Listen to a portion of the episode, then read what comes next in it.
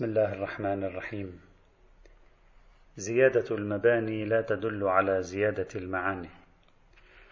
أفرزت التحديات التي مر بها الفكر الديني والمشروع الإيماني في العقود الأخيرة أفرزت حاجة إلى ضرورة العمل المؤسسي.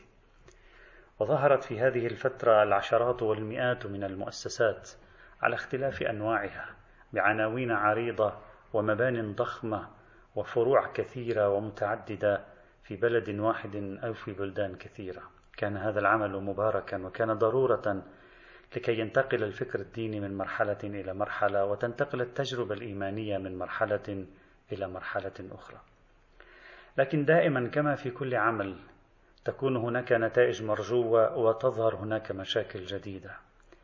المشكلة الأساسية التي ظهرت هي أن التضخم الهائل في حجم المؤسسات أغرق العاملين في نفس النظام المؤسسي بحيث صار وجود المؤسسة ووجود العناوين ووجود المباني هو الشيء المهم أكثر من المخرجات. فقد تجد مؤسسة ضخمة لكنها لا تعطيك مخرجات أكثر مما يعطيك باحث واحد. يمكن لو أمنت له ما يريد أن يحقق لك أكثر من هذه المخرجات التي تعطيها مؤسسة كبيرة قد تصرف عليها أموال هائلة. هذه حقيقة. ليس المهم في ثنائية ال hardware وال software أن تكون لدي مبان كبيرة وشقق ومكاتب عديدة وموظفين كثر. ليس هذا مهما فقط. المهم ماذا سنخرج من هذه المؤسسة الضخمة؟ ما هي المخرجات التي سوف تفرزها هذه المؤسسة الضخمة؟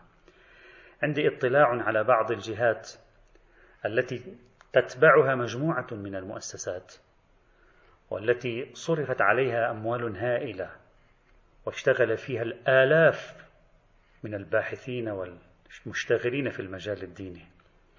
ولكن هذه المجموعة من المؤسسات بعد مراجعة نقدية استمرت ستة أشهر توصلت إلى الآتي. حجم الصرف الهائل الذي صرف على هذه المؤسسات حجم العمل والطاقات البشرية التي بذلت في هذه المؤسسات لا يتناسب ابدا مع المخرجات الفكرية والثقافية التي أعطتها هذه المؤسسات. هذا إقرار من نفس الشخص الذي هو على رأس مجموعة المؤسسات هذه. ونتكلم هنا عن شهادة متابعة في هذا الموضوع. لماذا يحصل ذلك؟ لأن إبداعات الأفراد تصبح قربانا لوجود المؤسسة. تصبح المؤسسة عبارة عن المقدس وليس إبداعات الأفراد عبارة عن المقدس. تصبح المؤسسة هي الهدف وليس مخرجات المؤسسة هي الهدف. هذه واحدة من التحديات التي واجهت العمل الإسلامي خلال العقود الأخيرة. ماذا أعني بذلك؟ أعني لا تفكروا في الوسائل فتعطوها أكبر من حجمها. فليكن دائما نصب أعيننا الأهداف التي نبتغيها هنا. إذا كنا نحقق الأهداف فالوسائل تأخذ شرعيتها.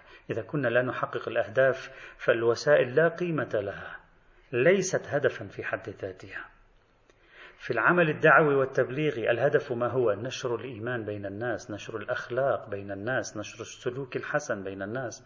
في بعض الأحيان قد لا تحتاج إلى مؤسسة كبيرة ضخمة قد تحتاج إلى شخص صالح يملك قليلا من العلم في بعض الأحيان لكنه بأخلاقه الصالحة قادر على أن يعطيك مخرجات هائلة تأثير غير عادي في مجتمعه في قريته في مدينته في مجتمعه الكبير. ليس المهم أن نركز على الشعارات الكبيرة والأعمال ذات العناوين العريضة. المهم أن يكون لدينا مجموعة من الأشخاص لديهم مقدار من العلم. في بعض الأحيان قد لا تحتاج حتى لعالم تحتاج لإنسان صالح في قرية أو في محلة. لديه بعض من العلم قادر على أن يوصل لك الكثير من الرسائل ويحدث تأثيرا اجتماعيا غير عادي.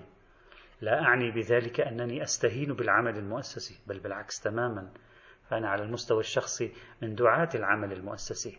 لا أعني بذلك أنني أستهين بالعلم بالعكس تماما نحن بحاجة إلى علماء حقيقيين متقنين للتراث والحداثة معا لقيم التراث والحداثة معا فاهمين ماذا كان في الماضي وماذا يجري اليوم. لكنني إلى جانب ذلك كله أعتقد بأن من الضروري لنا أن يكون لدينا عمل منتج وليس مؤسسات بدون وصف الإنتاج. هذه القضية مهمة. عالم منتج وليس أن يكون لدي عالم. فقط. لا يهمني من علمه في مجال التأثير الاجتماعي شيء إلا بمقدار تأثيره هذا. بمقدار تأثيره على الفكر بمقدار تأثيره على المعرفة بمقدار تأثيره على الأخلاق وبمقدار تأثيره على الحياة والسلوك بين الناس. الفكرة المركزية نحن بحاجة إلى أن ننظر في مخرجات كل الجهود التي نقوم بها. لا أن ننظر في الجهود ونكتب فيها الصفحات. المخرجات ماذا كانت؟ هل حققنا شيئا أو لم نحقق شيئا؟ ليست الجهود هي المطلوبة. الجهود ليست إلا وسيلة لتحقيق الأغراض. والحمد لله رب العالمين.